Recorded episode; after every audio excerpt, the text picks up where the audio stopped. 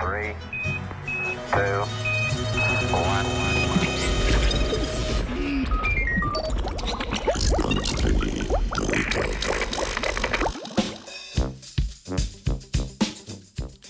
Kdaj in zakaj so kiti postali velikanski? Kiti so največji sesalci, kar jih poznamo. Nekatere vrste kitov lahko v dolžino merijo kar eno dolžino košarkarskega igrišča.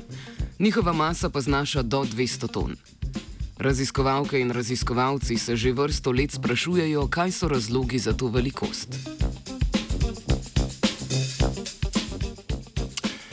Obstajata dve hipotezi. Prva pravi, da naj bi se v vodi ogromne živali lažje premikale, pri tem pa velika usta pridejo prav, da nahranijo to ogromno telo. Druga hipoteza pa pravi, da je razlog za velikost kitov lažja obramba pred plenilskimi morskimi psi.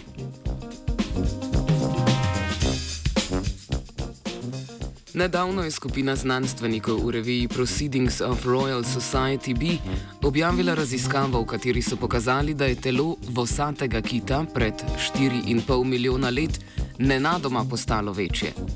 Razlog za to pa so bile klimatske spremembe, ki so vplivali na dostopnost prehrane.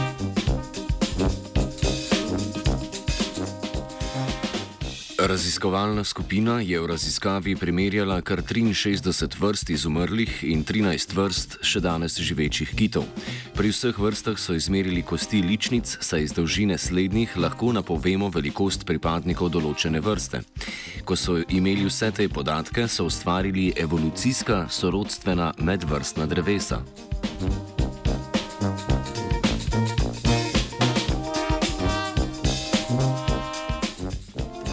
Iz evolucijskih dreves so ugotovili, da so bili kiti vedno precej veliki. A 4,5 milijona let nazaj se je zgodil velik preskok, takrat so se pojavili prvi gromozanski kiti. To se je zgodilo na prehodu iz Pliocena v Pleistocen, v času prvih ledenih dob, ki so vodile do klimatskih sprememb.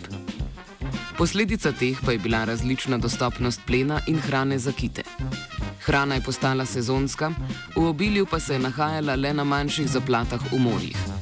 Kiti z večjimi usti so tako imeli prednost pred pripadniki manjših vrst, saj so lahko naenkrat zajeli ogromne količine hrane.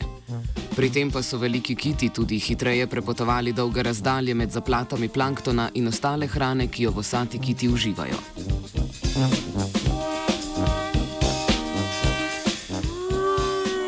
Gromozanske kite je občudovala Zarja.